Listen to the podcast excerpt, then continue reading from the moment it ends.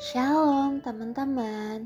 Kembali lagi bersama Ona Mare Ezra Di my podcast Once Maron Cerita. Sebelumnya udah lama ya kita nggak berjumpa di udara. Aku udah dua minggu kayaknya deh nggak upload di podcast ini Um, sebelumnya juga aku mau menyapa untuk para pendengar yang saat ini mendengarkan podcast aku. Apa kabar semuanya? Selamat pagi, selamat siang, selamat sore, dan juga selamat malam untuk kalian yang masih setia mendengarkan podcast aku.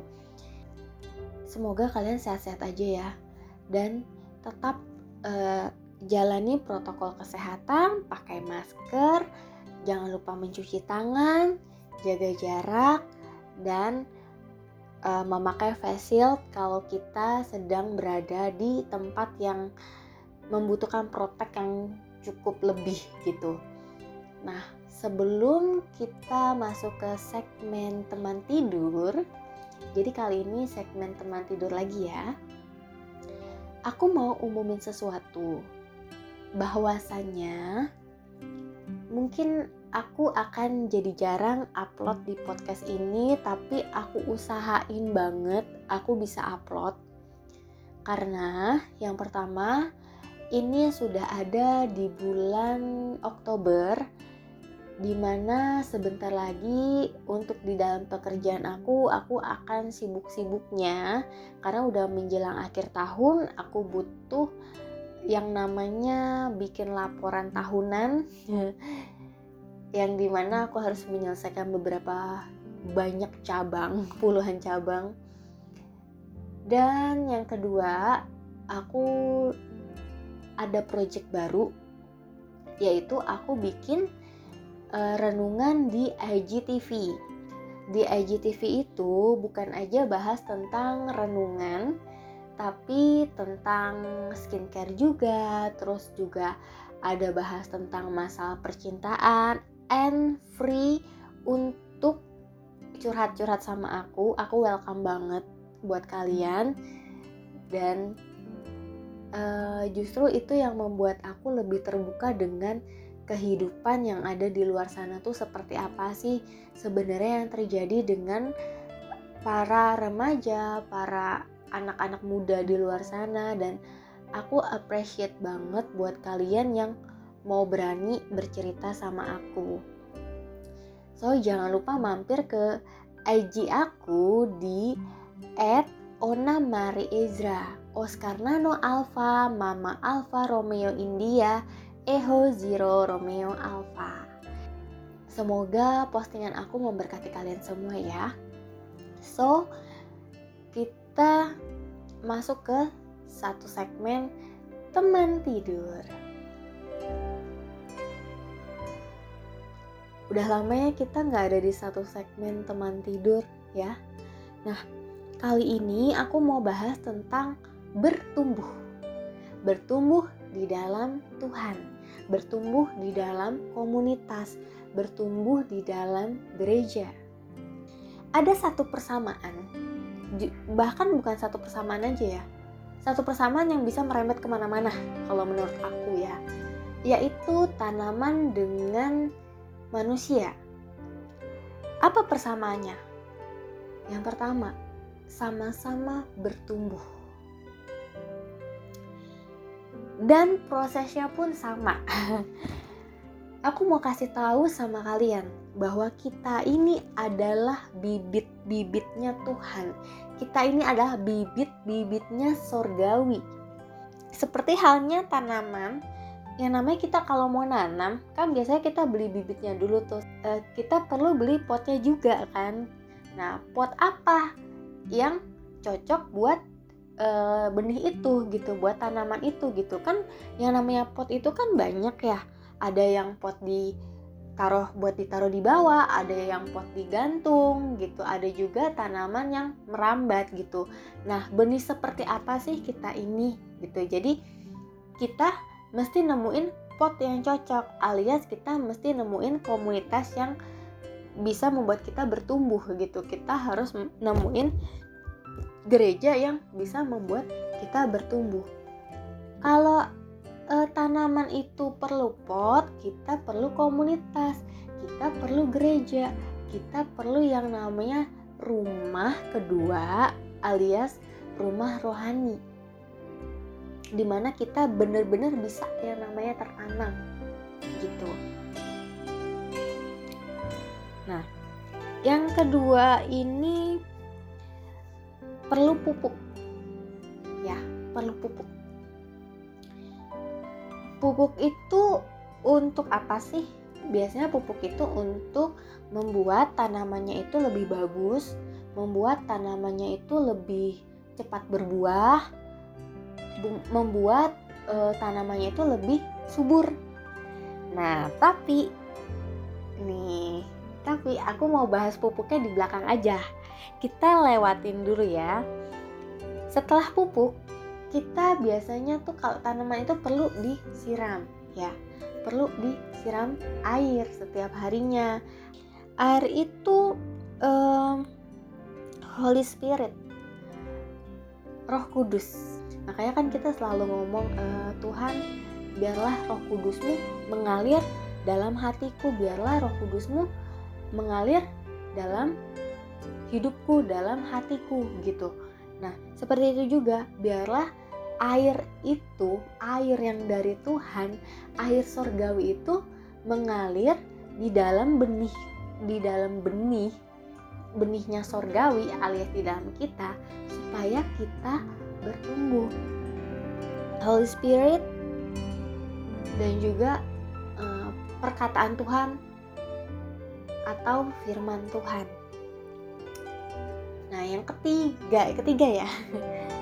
ada ada ada apa? Ada rumah, ada pupuk, ada uh, air. Nah, yang keempat, Deng, yang keempat, kita butuh matahari. Kalau tanaman butuh matahari, kita juga butuh matahari. Siapa sih matahari kita? Matahari itu kan terang. Nah, yang menyinari tanaman. Nah, kalau tanaman aja butuh matahari, maka kita pun benihnya sorgawi butuh matahari juga. Tuhan Yesus.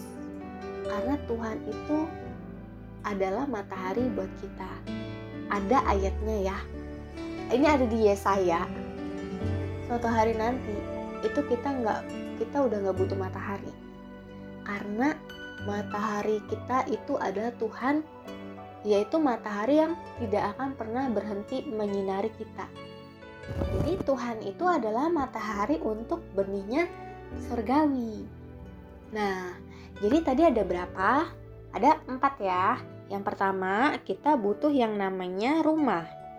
Yang kedua, kita butuh yang namanya pupuk. Yang ketiga, kita butuh yang namanya air atau siraman rohani. Yang keempat, kita butuh matahari. Nah, aku mau bahas yang pupuk. Kenapa sih penting banget tanaman itu butuh pupuk? Kenapa sih kita penting banget butuh pupuk? Padahal kan sebenarnya bisa ya kita tumbuh ya tumbuh aja gitu nggak usah pakai pupuk sebenarnya bisa tapi hasilnya tidak maksimal pertumbuhannya tidak maksimal buahnya tidak maksimal lebih bagus kalau diberi pupuk nah sekarang aku mau tanya kalau yang namanya pupuk dibikinnya pakai apa ya kebanyakan yang aku tahu ya yang aku tahu pupuk itu biasanya dari uh, kotoran ayam, dari kotoran sapi, dari um, apa kotoran kambing juga dan sebagainya. Bayangin dari kotoran-kotoran itu justru itu bisa jadi pupuk loh buat tanaman. Nah, seperti itu juga. Kita dalam hidup kita pasti ada orang-orang yang, yang nyebelin banget yang bikin kita kesel, yang bikin kita marah, yang bikin kita sakit hati, yang bikin kita emosi, yang bikin kita sedih. Pokoknya yang bikin kita unhappy banget deh. Pasti ada dong dan pasti kita pernah ngerasain yang namanya sakit hati, kecewa, terluka. Tapi aku mau kasih tahu sama kalian, bersyukur ada orang-orang yang seperti itu dalam hidup kita.